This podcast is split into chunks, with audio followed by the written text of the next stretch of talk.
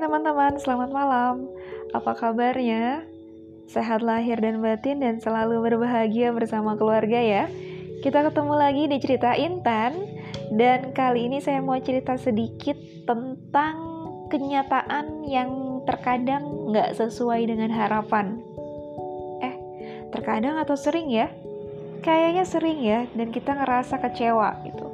Wajar, kecewa itu wajar tapi kita juga harus segera ingat kalau ternyata apa yang kita inginkan belum tentu apa yang kita butuhkan dan apa yang kita inginkan belum tentu itu adalah yang terbaik buat kita.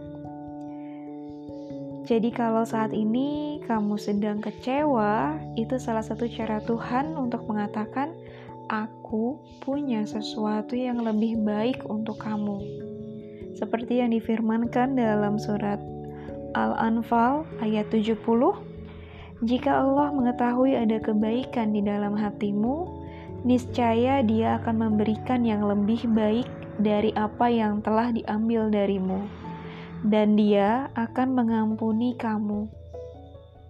So sebagaimanapun tetaplah percaya tetaplah berharapan baik supaya kita selalu diingatkan untuk dapat melihat kebaikan-kebaikan yang sudah Tuhan berikan buat kita selama ini.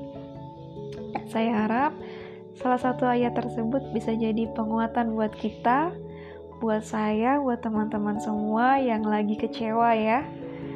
Dan terima kasih sudah dengerin podcast saya kali ini. Kita ketemu lagi di cerita Intan selanjutnya ya. Dadah.